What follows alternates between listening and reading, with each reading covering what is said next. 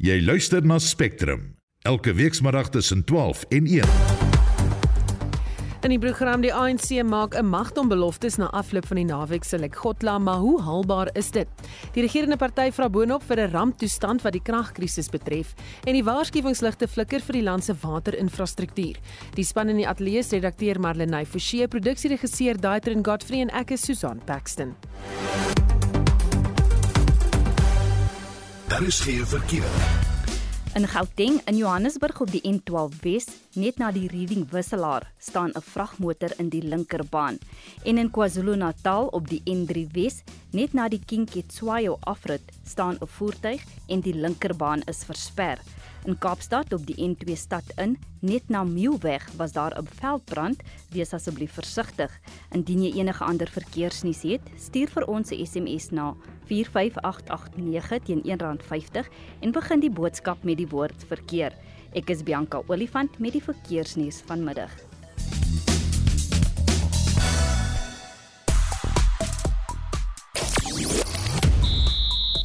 Eben Etzebeth en Nadine Roos word aangewys as Springbok spelers van die jaar en die Australiese tennisope breek die bywoningsrekords vir alle Grand Slams. Ek is Shaun Schuster vir RSG Sport. Op sosiale media trek die hitsmerk National State of Disaster baie aandag. President Cyril Ramaphosa sê dat 'n ramptoestand rakende die elektrisiteitskrisis afgekondig moet word. Volgens kenners is dit nie 'n slegte idee nie, maar kan wel negatiewe gevolge inhou vir die ANC tydens volgende jaar se verkiesing. Ook iets waaroor ons bietjie later gaan gesels, maar intussen inwoners van Johannesburg word steeds gewaarsku om water spaarsaam te gebruik. Johannesburg Water sê hoewel herstelwerk aan die Eikenhof pompstasie voltooi is, dit nog lank gaan vat om watertoevoer te herstel weens beerkrag. Nou skole vra leerders al om water skool toe te bring en ons weet ook van maatskappye wat werknemers vra om eerder van die huis af te werk omdat daar nie water beskikbaar is nie. Wat is jou ervaring hier in Gauteng, maar ook sommer oor eh, die res van die land en en dis nou natuurlik van beerkrag en water wat dan nou nie gebeur nie. As gevolg van daardie beerkrag en ons is pas na fase 5 toe so laat weet vir ons. Jy kan 'n SMS stuur na 45889 teen R1.50 per SMS praat saam op Facebook of stuur 'n stemnota. Laat hoor van jou na 076 536 6961 Spectrum, jou middagnuusprogram op RSG. Dis so bygaan 6 minute oor 12. Die ANC se nasionale voorsitter, Fikile Mbalula, het die media vanoggend toegespreek oor die uitkoms van die naweek se Lekgotla. Mbalula het gesê dat die NK se planne werkskeping gaan bevorder, ekonomiese groei gaan aanwakker, die kragkrisis gaan oplos en die wêreld 'n beter plek gaan maak. Hy het egter die land genooi om met voorstelle te kom oor die kragkrisis, want soos hy dit stel, het die ANC nie 'n monopolie op oplossings nie. In solving the energy crisis, the NEC Lekgotla encourage the President of the Republic to declare a national state of disaster, which will also require that the ANC reconnects with our communities and society, as the ANC does not have the monopoly of ideas. We therefore call on all of society to work with us in progressively solving the challenge since it affects all of us. Mbulula het ook gesê misdadige optrede wat staatsinfrastruktuur beïnvloed moet eh, dringend vasgevat word. Hy sê verder dat die staatsbegroting geherprioritiseer moet word om Eskom te help en volgens hom is daar ook planne om die impak van die toename in kragtariewe op Suid-Afrikaners te versag. Mitigation of the decision by the National Energy Regulator of South Africa regarding Eskom tariffs on people and the economy. Implementation of measures to manage electricity demand including the installation of solar heaters and panels and other energy efficient systems which should be incentivized. Expediting of the procurement of emergency power, relief and support to poor households, as well as small and medium-sized enterprises. Kept the outward migration of technical and management skills and capabilities of ESCOM whilst mobilizing further skills in areas such as engineering. Dienslewering en die optimale funksionering van munisipaliteite is volgens Mbalula ook 'n prioriteit vir die jaar, ja. The NEC will deploy NEC members to districts and strategic municipalities in line with the district development model. In supporting this and other municipalities, the ANC will adopt a 15-month local government resuscitation uh, strategy, which will, among others, focus on the skills audit as well as accelerated delivery in water and sanitation, integrated transport, and expanded social safety net, which includes the national health insurance. Given that such a program will require resourcing, the NEC also directed government to review the, the municipal fiscal model, including the, the division of revenue between national, provincial, and local spheres of government. En dit was die ANC nasionale voorsitter vir Kile en Balula wat terugvoer gegee het oor die afgelope naweek se Lekgotla. Ons praat nou ook verder oor gebeure by hierdie Lekgotla met professor Dirk Coetzee, politieke ontleder verbonde aan Unisa. Goeiemôre Dirk. Goeiemôre Susan. Die belangrikste punt wat uit hierdie Lekgotla gekom het is sekerlik dat die kragkrisis as 'n ramptoestand verklaar moet word, maar wat beteken dit en wat is die voordele daarvan? Ja, dit bly onduidelik oor presies wat hulle in gedagte het hoe dit gebruik kan word. Ek meen ons dink nou onmiddellik aan die pandemie wat as 'n ramptoestand ge, geklassifiseer is. Ehm um, ook nou met die die verskillende uh, vloede in Gauteng vroeër en ook in KwaZulu-Natal wat provinsiale ramptoestande verklaar is. Ehm um, ek dink wat hulle in gedagte het en as mense geluister het na wat hy gesê het, is dit dat sekere van die meganismes wat veral met die pandemie gebruik is um, soos byvoorbeeld dat daar 'n interministeriële komitee tot stand moet kom onder leiding van een minister van die kabinet um, wat meer ingestel is op direkte koördinasie tussen verskillende uh departemente of uh verskillende vlakke van regering wat direk daarbey betrokke is dat hulle dink hulle daarbey gaan baat. Ek dink daar's ook aspekte wat gesprake is oor die finansiering dat daar 'n uh, 'n uh, uh, meer geïntegreerde finansiering kan plaasvind van sekere aspekte van nie net van Eskom self maar ook van die die ondersteuning vir die ontwikkeling van nuwe energie. Ehm um, maar om dit uh, spesifiek as 'n ramptoestand uh, te te klassifiseer Ehm um, terwyl eintlik al hierdie uh, verskillende punte wat ek nou genoem het reeds vir die regering beskikbaar is in 'n groot mate.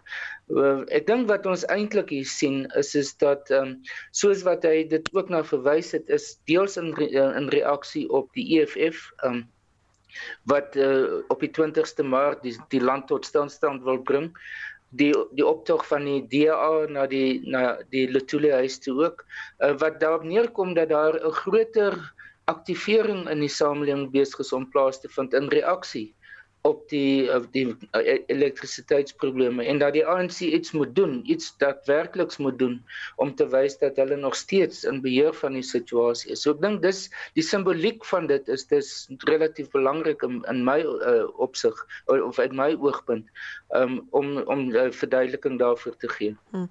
Hoe groot hoekom is daar nou ook 'n groot klem op dienslewering op munisipale vlak want hulle het nogals baie daaroor gepraat. Wel, ons is bietjie meer as 'n jaar van die verkiesing af, die nasionale en provinsiale verkiesing. Dis sekerlik een van die grootste swakpunte in die ANC se regeringsmondering op die oomblik is die dienslewering op plaaslike vlak. Ehm um, dit is iets wat die die kiesers direk raak. Ehm um, en dit is iets wat hulle daarom moet weer weer eens aandui dat hulle uh dit wil omkeer dat hulle dit, dit op 'n radikale manier wil aanspreek. Ek dink dit wat ons vandag sien, dit speel twee funksies of vervul twee funksies. Die een is dat dit die basis gaan vorm van die staatsrede van president uh, Ramaphosa vroeg nou in Feb in Februarie. En tweedens begin dit eintlik ook 'n soort van 'n verkiesingsmanifest word wat hulle waarskynlik volgende jaar gaan gebruik. En dan wil die ANC steeds Afrika en die wêreld 'n beter plek maak en hulle hou aan praat daaroor. Wat bedoel hulle daarmee? Dis tradisioneel wat die ANC sê. As 'n mens kyk na al die ANC se verklaringe of dit die 8de Januarie se verklaring is of dit die verklaring van die, die politieke verslag van president Ramaphosa by die laaste nasionale konferensie was en dit of dit die staatsrede gaan wees op die 9de Februarie. Ou die laaste punt wat gewoonlik oor gepraat word is oor Afrika en Suid-Afrika se internasionale verhoudinge. en dan baie spesifiek Afrika. En dis 'n aspek, dis 'n dis 'n frase wat die ANC altyd gebruik. Ehm um, dit is 'n natuurlike verduideliking of 'n of 'n verklaring dat Suid-Afrika se buitelandse beleid primêr of in die eerste instansie uh op op die kontinent gefokus is. Ehm um, en dit is 'n bevestiging grootliks van van dit. Baie dankie, dit was professor Dirk Coetzee, politieke ontleder van Unisa.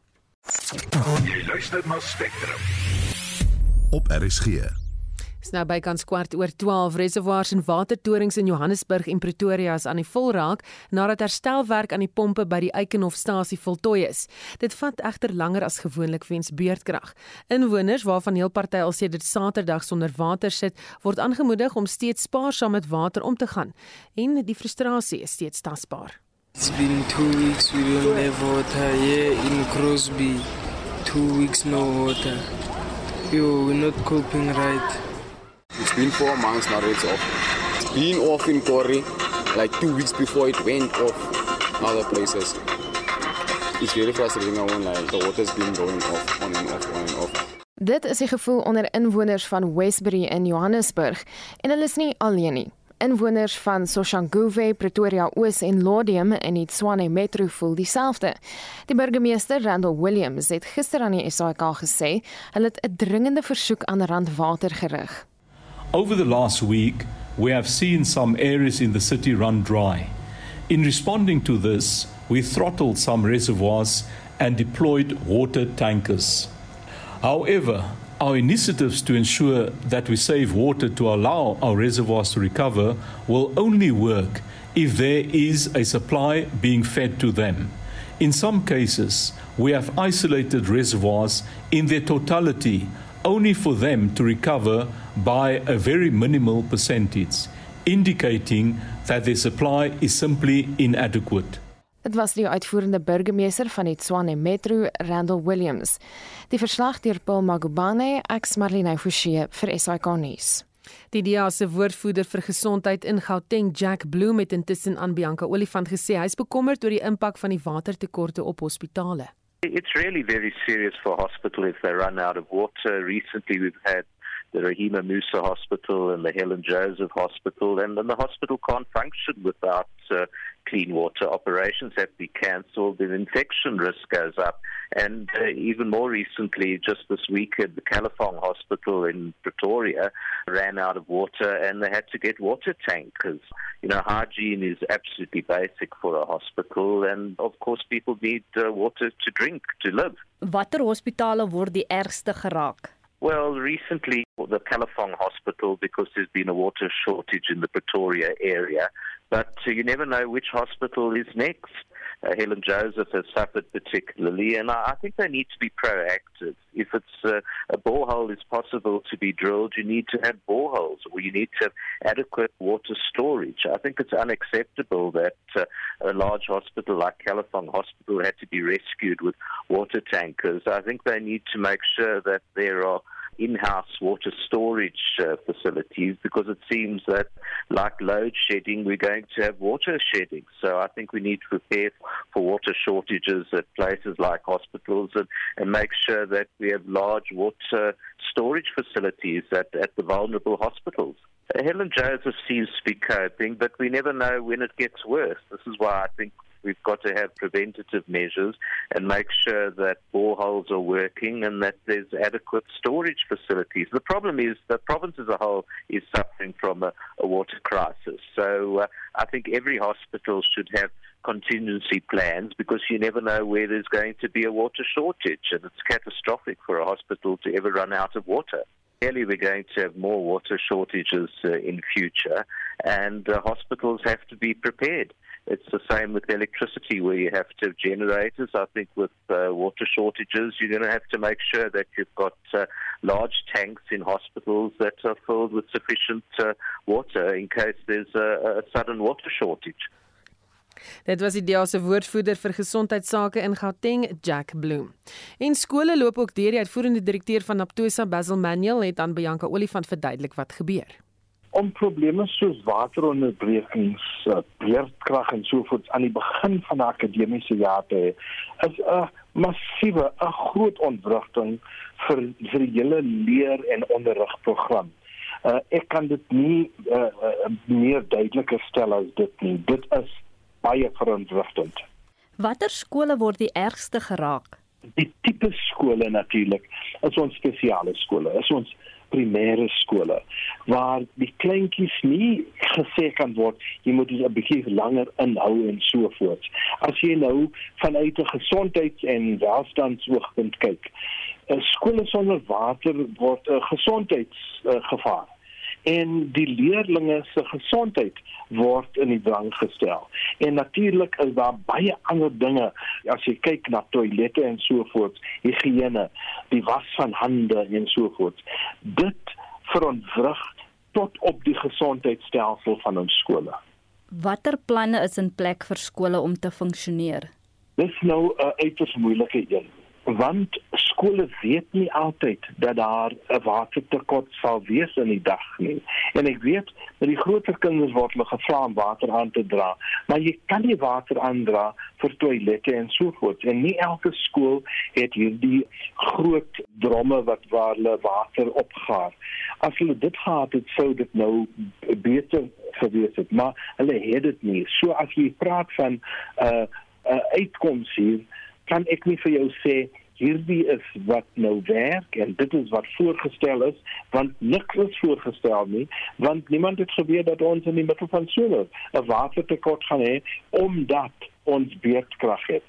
En nou dat ons nou die watertekort in die gesig staar, wat kan gedoen word om die waterprobleme te verhoed in die toekoms? Goed soos die Jojo tanks en so voort, is maar seker die beste uitkoms. Ek weet as oud skoolhoof, maar dit was nou in Pietermaritzburg gewees, het ons dit laat insit wanneer dit ons water gehad het en dan het ons nou water daar uitgepomp na vir al die toilette want kinders moet toilette gebruik. Onderwysers moet toilette gebruik. Dink net daaraan onderwysers wat verwagtend is wat op en af na die toilet toe gaan. Hoe gaan dit uitwerk?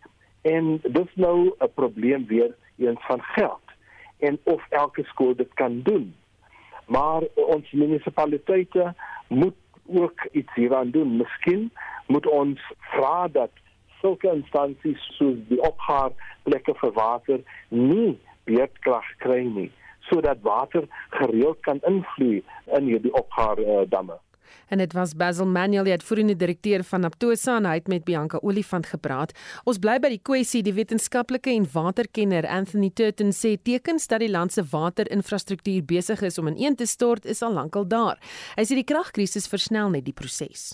Dominoes uh, are falling and the dominoes as you know when you build the complex domino structures with parallel uh, streams of dominoes they fall in unison And that's what we're seeing today. So we're seeing a uh, failure of the energy uh, set of dominoes, and we're seeing, uh, a, uh, we're seeing a failure of the water dominoes, and at the same time, we're seeing a failure of the sewage dominoes.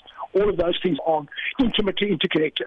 Turton sê behalwe dat daar nie water in huishoudings is nie, beïnvloed die gebeure ook die land se riool-infrastruktuur. In the wastewater systems, uh, you have a really serious problem because you've got to have a, a reasonably constant flow, although there is a, there is a daily pulse uh, of water that goes through your sewage systems.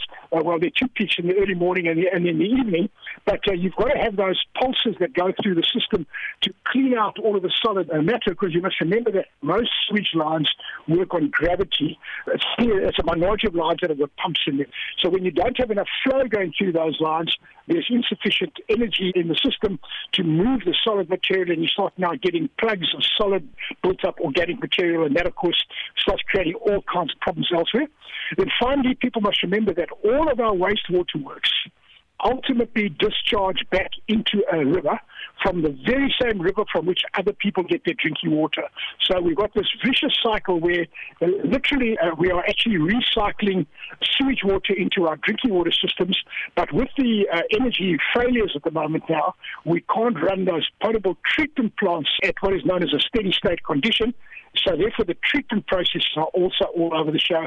You're getting batches of treatment coming through rather than steady state treatment, and that, of course, course, you've got all kinds of uh, unintended consequences. So it's an extremely complex issue, but you know, at a sort of a superficial level, that's what's happening. Dit en sê water en energie is die boustene van die ekonomie en beide val op die oomblik. You can think of water and energy as the two inputs into our economy and everything that we do in our economy, no matter what you do, if you knit someone a jersey or if you manufacture a motor car or if you pull rocks out of the ground in a mine, you add value to water and energy.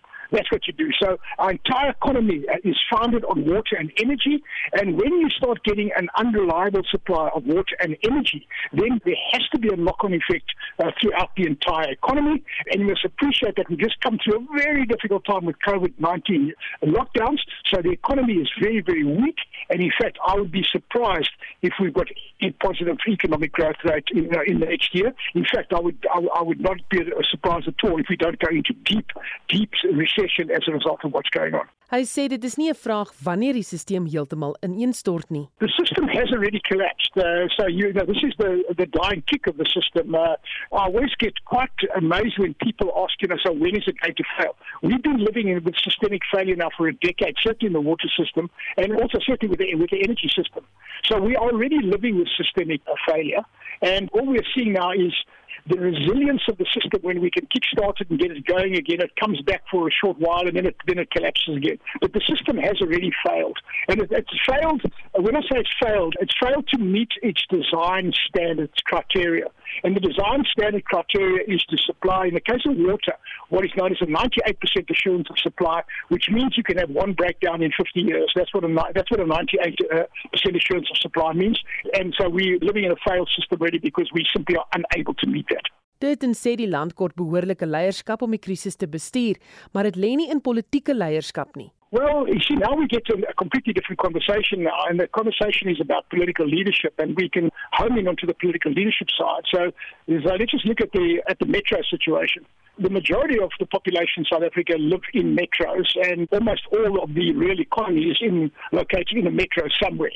So what happens in the metros is very important. And of course, your, your cities like Johannesburg uh, and Pretoria, you know, these are, are major corporations. They've got multi, multi-billion rand budgets that they manage, and they manage extremely complex issues. And just look at the infighting and squabbling and the inability of the political parties to even reach consensus over who's going to be the mayor and who's going to get what portfolio. So how can you realistically have any solution thinking coming out of that space? How can you realistically believe that by declaring a state of emergency in the energy sector, suddenly miraculously all of the engineering problems are going to be resolved simply because a committee is now formed somewhere? And this is our problem. You see, our problem is we constantly believe that the state is in control. The state, the government is in power, but they are not in control. This is the important message, you know. The government has lost control at this moment in time. So who's in control? Well, it's just it's a juggernaut just sort of moving forward on its own, collapsing sometimes, bouncing back sometimes. But there's nobody really in control. And this, I think, is the uh, the existential threat that we face in South Africa. En dit was die wetenskaplike en waterkenner Anthony Turton. Jy luister na Spectrum elke weekmiddag tussen 12 en 1.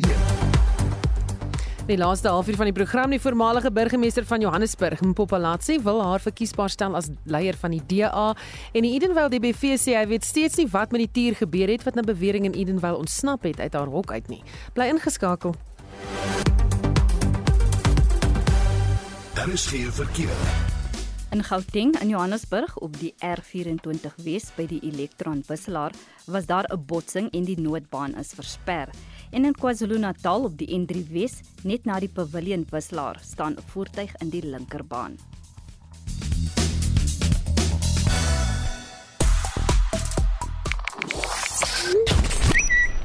Fase 6 beerdkrag gaan vandag om 9uur vanaand tot môreoggend 5uur ingestel word. Dit kom nadat 6 krag opwekkingseenhede die afgelope 24 uur onklaar geraak het. Meer hieroor onder die hitsmerk Stage 5. Ek is Bianca Olifant met die verkeersnuus en sosiale media op Spectrum. En werklik nie goeie nuus nie. Eers fase 5 uh, eh, van nou af tot en met vanaand 9 en dan fase 6 later aan. Nou ons het gevra of jy enige watertekorte beleef as gevolg van hierdie probleme en 'n luisteraar wat uh, vra dis Rita se sê uh, ons het geen water nie maar moet water spaar gebruik of spaarsame gebruik. Hoe De hel sê hy.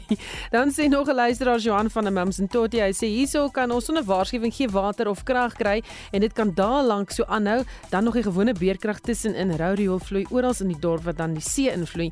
Dis as gevolg van geen onderhoud oor jare, danksy swak of geen bestuur van die owerhede nie. Dankie vir die gesels daar Johan. En nog 'n luisteraar wat sê Maria, um, ek sou bly ek bly in die Wes-Kaap. Die DA sorg vir minder beerkrag en water elke dag in krane nog beloftes of leë beloftes van die ANC wat 'n grap sê sy. In Port Elizabeth sê die persoon Kebega, uh, is dit 'n nagmerrie die westelike voorstede sommer 2 tot 3 dae uh, min of sonder water. Ons benodig dringend 5 liter kanne drinkwater. Daar's baie mense wat regtig nie meer dit kan koop nie. Kraanwater is nie drinkbaar nie sê Gesina. Jy kan steeds uh, saamgesels hieroor as jy wil en vir ons SMS stuur 45889 of op die Monitor Spectrum Facebookblad of 'n stemnota stuur. Hier is Shaun Jooste met die jongste sportnuus. Die SA Rugby toekenninge vir die 2022 seisoen het vanoggend in Kaapstad plaasgevind en ons kyk nou na die wenners. Die Sharks slot Eben Etzebeth is vir die eerste keer aangewys as speler van die jaar. Nadine Roos is die vroue Springbok speler van die jaar en die Bulls vleuel Kenan Moody stap weg met die toekenning vir jong speler van die jaar. Die sewe spelers van die jaar is JC Pretorius en die junior Springbok speler van die jaar is Sasha Feinberg Ngomazulu. Die Stormers word vereer met span van die jaar vir hul sege in die Verenigde Rugby Kampioenskap en hul breier John Dobson is aangewys as afrigter van die jaar. Die Pumas se Sebastian de Klerk is aangewys as Krimbeker Premier Divisie speler van die jaar en Amy Barrett-Tron stap weg met die toekenning vir skeieregter van die jaar. Organiseerders van die Australiese Tennis Ope het vanoggend aangekondig dat hulle alle bywoningsrekords vir 'n Grand Slam gebreek het. Meer as 902 000 toeskouers het die Grand Slam oor 3 weke bygewoon. Dit sluit die kwalifikasieringsrondes in. Daar was ook meer as 94 000 toeskouers op 'n enkele dag. Die wêreldnommer 1 Novak Djokovic van Servië het sy 10de Australiese Ope titel verower en is nou gelyk met die Spanjaard Rafael Nadal se rekord van 22 Grand Slams. In die vroue afdeling het Aryna Sabalenka van Belarus ook haar eerste Grand Slam titel ingepalm. En laastens op die sokkerveld takel Newcastle United en Southampton mekaar vanaand om 10:00 in die tweede been van die Engelse Liga beker se halfeindronde. Newcastle loop 1-0 voor na die eerste been. Dit was Shaun Jooste met die jongste sportnuus. Spectrum, jou middagnuusprogram op RSG. 28 minute voor 1. Die minister van Samewerkende Regering en Tradisionele Sake, Nkosazana Dlamini Zuma, het 'n nuwe regspan aangestel om 'n dringende hofbevel te verkry teen 'n hofbevel wat gelas het dat sy die rekords oor haar besluit oor die COVID-19 ramptoestand in 2020 aan Sake Liga moet verskaf.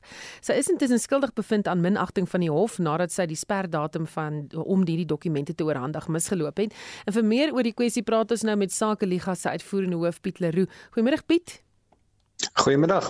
Uh so julle reaksie oor die jongse poging om die dokumente van julle te weerhou.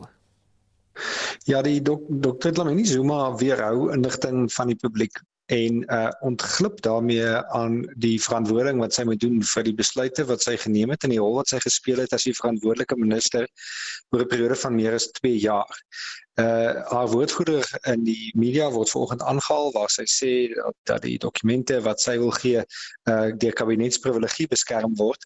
Maar ons uh, sê dis eenvoudig nie aanvaarbaar nie. 'n minister kan nie sê die redes waarom sy 'n besluit geneem het is 'n kabinetsgeheim nie.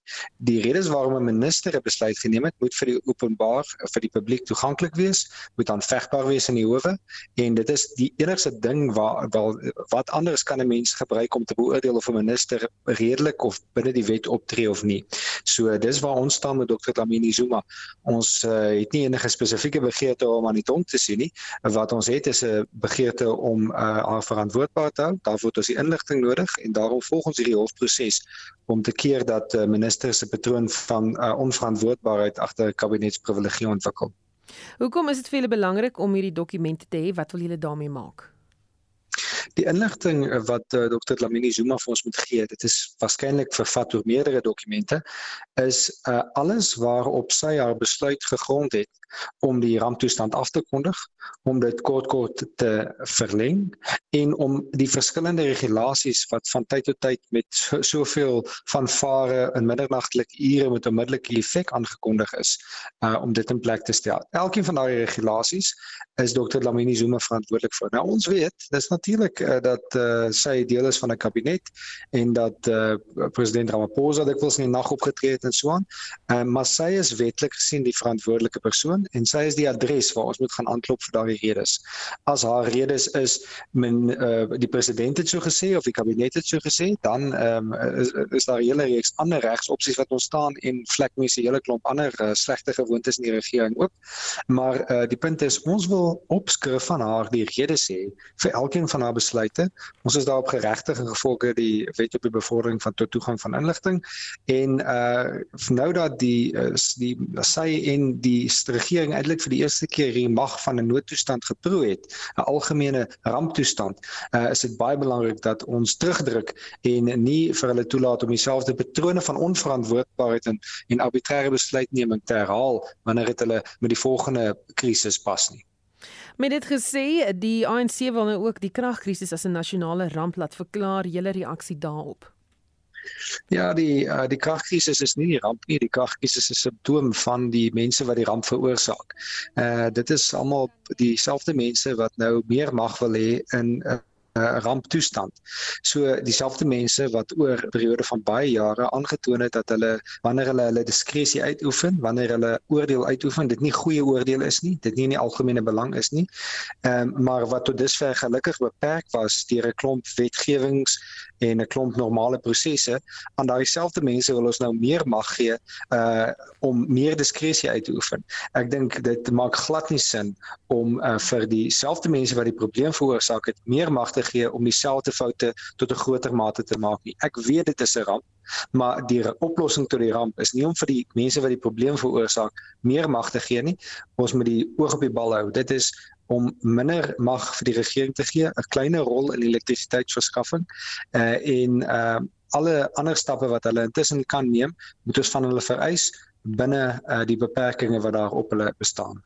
Baie dankie, dit was die uitvoerende hoof van Sakeliga Piet Leroux. Soos jy vroeër in monitor gehoor het, het die voormalige burgemeester van Johannesburg, Mpopalasie, aangekondig dat sy in April vir die toppos in die Demokratiese Alliansie by die party se nasionale konferensie sal staan. Palasie wat verlede week as burgemeester ontroon is, sê lede van die party het haar genader om aan die verkiesing vir die federale leier van die DA deel te neem. Palasie sê Suid-Afrikaners en die DA vertrou mekaar nie. Sy beskou dit as haar taak om die vertroue te herstel sou sy die DA se volgende federale leier word. Die politieke ontleder en skrywer Jan Jan Joubert sê hy dink Palazzi is 'n baie goeie leier, maar dat 'n kans is skraal is dat sy vir John Steenhuisen sal ontroon as 'n leier van die ANC. Ek dink Dr Palazzi is 'n baie goeie kandidaat. Sy is by verre die beste gekwalifiseer van die twee akademies en sy was dink ek 'n goeie burgemeester vir Johannesburg maar ek dink nie sy het enige kans om te wen nie en daar's 'n hele paar redes voor. Die eerste is dat meneer Steenhuisen reeds maande lank aan die voorberei is vir hierdie veldtog en dit reeds lankal van stapel gestuur het daar in Kaapstad seker so 2 maande gelede. Tweedens dink ek hy is die huidige bekleer van die amp en so iemand het altyd 'n voordeel, so hy is meer bekend. En dan derdens dink ek baie van die kritiek wat sy uitspreek op die DA is gegrond en sal haar terughou as 'n kandidaat. Ek dink dat meneer Steenhuisen beslis sal wen, maar dat sy sukses nie bepaal sal word deur die omvang van sy oorwinning nie, maar deur sy vermoë om diegene wat nie met hom saamstem nie met hom saam te neem. Met ander woorde, nie hulle weg te jaag soos die vorige kere gebeur het nie. Dit was die vorige keer ook sy uitdaging uit nie daarin geslaag nie en die gevolge was vir die DA baie duidelik in hul swak vertoning in die 2021 verkiesing wat hul eie stemme betref. So interessante ding om dop te hou interessant hoe die DA dit gaan bestuur, interessant of meneer Steenhuisen bo homself gaan uitstyg en interessant inderdaad soos wat julle eie verslag ook gesê het of Dr Palazzi uiteindelik binne die DA sal bly. En dit was die politieke skrywer en joernalis Jan Jan Jubber. Die Edenvale DBV sê hy weet steeds nie wat met die tier gebeur het wat na bewering in Edenvale ontsnap het uit haar hok uit nie. 'n Video gister het gewys hoe die 9 maande oue tier om motors rondloop in iemand se erf. 'n Sekuriteitsmaatskappy SWAT SOS 24/7 het later op sosiale media foto's gedeel en gesê die tier is verdoof en na 'n plek van veiligheid geneem. Die DBV kon dit tot op hede nie bevestig nie en die sekuriteitsmaatskappy het ook op sosiale media gereageer en gesê dat hy nie al sy inligting met die DBV hoef te deel nie. Die DBV het in 'n persverklaring sê hy gaan ook nie nou die media te woord staan nie weens intimidasie van die personeel oor die kwessie. Die hulporganisasie Volpos se woordvoerder Elise Parker het intussen gesê hulle hou by hulle standpunt dat tiere en ander groot katspesies nie aangehou moet word nie. Ons ondersteun nie die aanhouding van groot katte as eksotiese troeteldiere nie. Dit is 'n skadelike praktyk wat groot katte soos leeu, stiere en luiperds uitbuit. Dit bedreig ook hierdie diere se bevolkings in die natuur deurdat dit die aanvraag daarna verhoog. Groot Diere, soos stiere, is groot roofdiere wat bewuslike diere is en positiewe en negatiewe gevoelens soos angs kan ervaar en wat baie spasie nodig het om te swerf en in te woon en het spesifieke voedingsbehoeftes en het ook wanneer hulle in aanhouding is verrykingsaktiwiteite nodig om al hulle sintuie te stimuleer en om angstige gedrag te voorkom. Daarby het hulle spesiale veeartsenykundige sorg nodig wat natuurlik aansienlike finansiële implikasies inhou. Omdat hulle wilde diere is en bly, al is hulle in aanhouding, is daar 'n gevaar vir die publiek van ontsnapping en dan moontlike besering. Die ontsnapping onlangs in Johannesburg van twee diere eers verlede week Shiba en dan ook maandag die kleiner tier, die 9 maande tier in Edenvale, dui net weer vir ons daarop by Fopos, die gemak waarmee tiere in Suid-Afrika wel bekom kan word om aangehou te word, wel ook dan as troeteldiere in persoonlike besit. Ons wil weer eens 'n beroep doen op die departement van bosbou visserye en die omgewing om met die samestelling van hulle plan om leeu's uit te faseer deur die taakspan ook te kyk na hierdie nie inheemse spesies van groot katte soos stiere en om hulle ook in te sluit sodat die probleme soos wat daar nou in Johannesburg voorgekom het finaal en al opgelos kan word.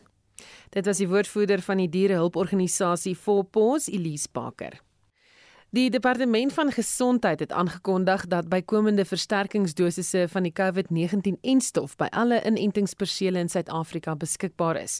Die minister van gesondheid, Dr. Joba Agla, het vroeër die maand gesê die regering het baie navrae ontvang oor waar mense aanvullende inentings kan kry. 'n Versterkingsdosis kan eers 180 dae na die vorige dosis toegedien word. Ons praat hier oor met die infeksie siekte spesialis aan die 3 Militêre Hospitaal in Bloemfontein, Dr. Kloete van Vuren. Goeiemôre Kloete. Hallo Susan. So wat is die jongste met die aanvullende dosis van COVID-19 en stof? Ja, ek weet dit is maar uh ons weet hoe langer dit uitmekaar het, is hoe beter werk dit. En ons weet dat jy weet vaksines is die mees koste-effektiewe manier om die gesondheid van 'n bevolking te verbeter. Ons weet dat hierdie vaksines is baie veilig.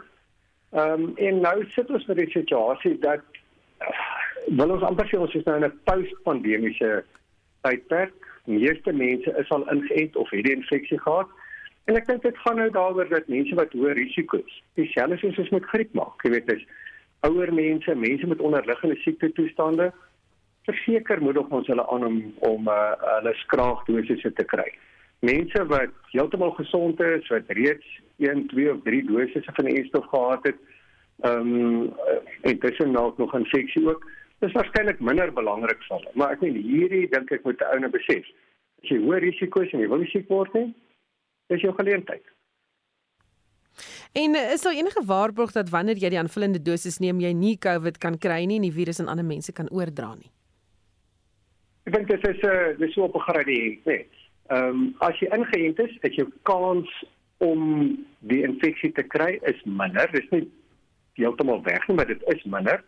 So die ouens wat dit nie kry nie, kan dit kan dit nie oordra nie. So bespaar daar. Dit as jy dit kry, is die hele idee van die enstof om te seker te maak dat jy nie ernstig siek word nie. Nee, nee, minder siek jy is, hoe minder anders gaan jy ook aansteek. Maar dit vir jou is die groot voordeel.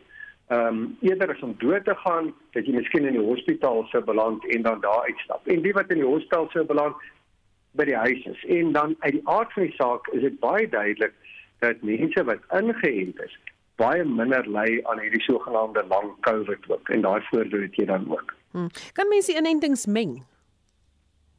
Uh as jy nou met meng betaal doen jy die verskillende uh die Johnson & Johnson Die en die Pfizer, Pfizer ja. verseker dit lyk tog asof jy as jy dit meng dat uh, jy beter uh, voordeel daai kry. Dit selfs meng met as jy die infeksie gehad het en dan nog die inenting beide kry, het jy baie beter immuniteit as iemand wat net die twee inentings gehad het of net die infeksie alleen. Hm.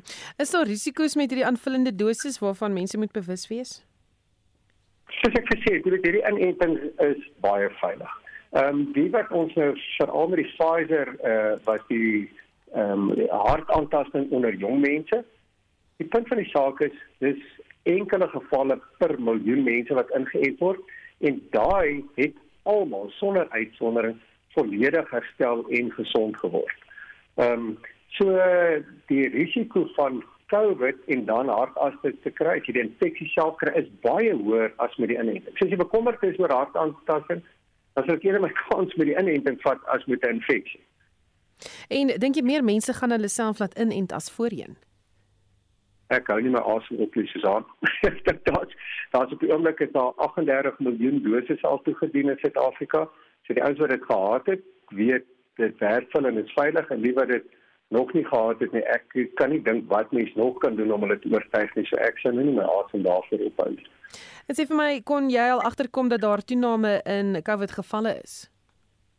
Ek het ook gesien op die oomblik baie ehm um, veral met die skole toe hulle nou onlangs oopgemaak het weer ehm um, onder skole heelwat gevalle.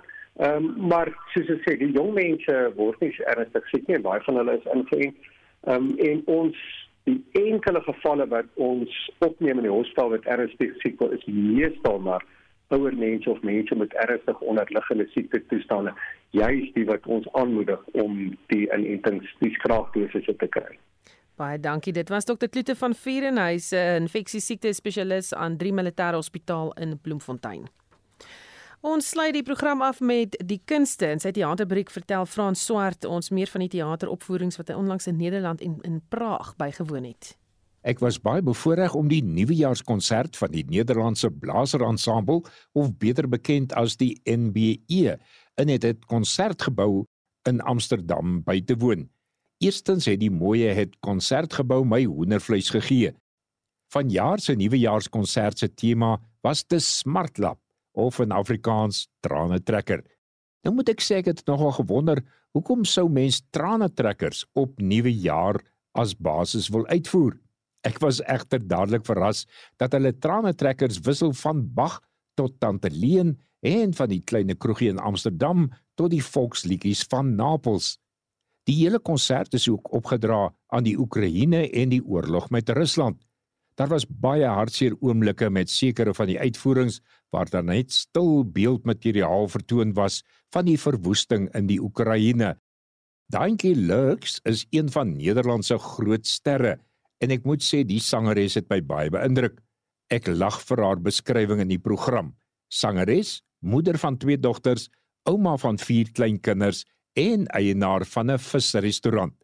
Hierdie nuwejaarskonsert was 'n belewenis en beslis een van my hoogtepunte in my loopbaan. Ek het 'n Amerikaanse teaterjuweeltjie ontdek by die Almere Skouburg. Dit is Sun Records The Concert. Weereens kan ek nie uitgepraat raak oor die Almere Skouburg nie. Hierdie teater spog met 3 teaters. Hipermodern, maar met 'n program wat jou sal regop sit in jou slaap.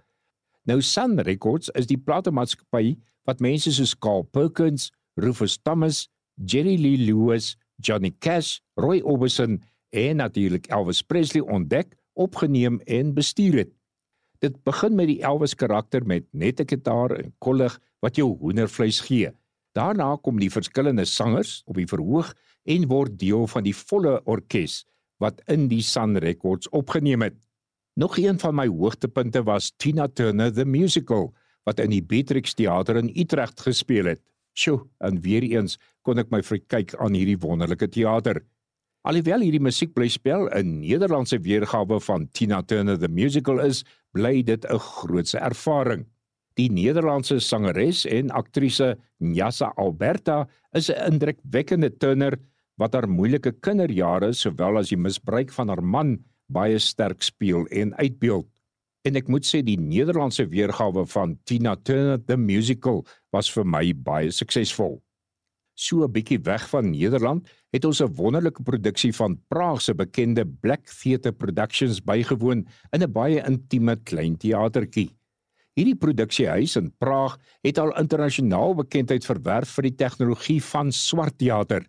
Dit is basies waar die akteurs op die verhoog speel met marionette en baie gevalle slegs objekte soos kouse, wasgoed, 'n viool wat lewe kry en 'n klomp ander objekte.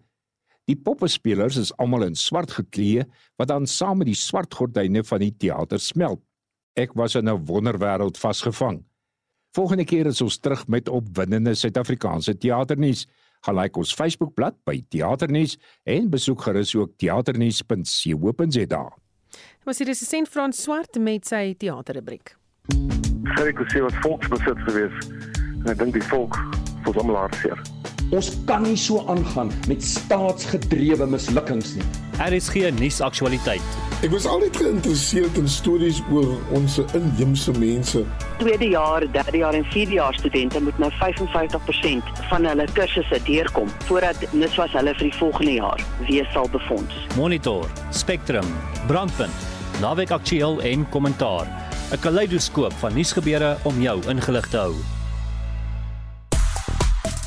Dis en luister jy na Spectrum en ons luisteraars praat saam oor verskillende kwessies in die program hier's van die stemnotas wat ons reeds ontvang het. Ek werk vir 'n groot munisipaliteit en mense is later so ingestel om waar jy ry en waar jy kom, waar daar waterlekke is of water wat in die pad afloop om dit te rapporteer en ek reken ek is nogal in die posisie om dit op 'n redelike vlak te rapporteer en omdat ek vir die raad werk. En tog is dit so hartseer dat ek baie keer vir dae aan een 'n major burst rapporteer en dan kom ek agter 2-3 dae daarna is die water nog steeds spuit dit nog net so baie uit en die die lekke word nie reggemaak nie. En net eenvoudig die mense wat uitgaan Johannesburg water of om die water lekker reg te maak as hulle eenvoudig nie 'n jobkaart het nie, ry hulle verby enige lek op straat want hulle is nie ingestel daarop om water te bespaar vir die metro nie. Asseblief tog, kry julle koppe bymekaar. As dit nie krag is wat 'n probleem is, is dit water wat 'n probleem is. Die paaie is 'n probleem. Alles is 'n probleem. Kom almal van julle nou bymekaar en vorm nou een groot party. Die gelukkige groot party. Verstaan julle? Kom bymekaar. As 'n luisteraar met 'n plan. Kitty Du Plessis sê ons woon in Rodepoort geen water al vir die laaste 3 dae nie. Voor dit eh, was die waterdruk ook baie swak. Dit is 'n nagmerrie. Daar kom letterlik nie 'n koppie vol water uit die kraan vir die dag nie. Dan sê Eloise Marits ook van Rodepoort dis belaglik. Dan ook in Welkom sien ek geen water nou al vir dae nie. Lang gesukkel daar met die water. Ons het laas jaar daar berig of vir die jaar voor dit al. Dan sê nog 'n luisteraar dit hou in eh, Kebega en Riana Joubert wat sê watertekort eh, krag hoe kry die mense van hulle huise afgewerk? En dan sê William Jumat ek woon in Stytlerville hier is die water net so swak af en dan weer aan. Dit kan nie so aangaan nie. Genoeg is genoeg. En uh, nou ja dankie dat jy saamgesels. Jy kan steeds saamgesels. Ons het namens soos uitvoerende regisseur Nicoline de Weer redakteur Marlenae Forsie en ons produksieregisseur is Daitrin Godfrey. Ek is Susan Paxton. Geniet jou middag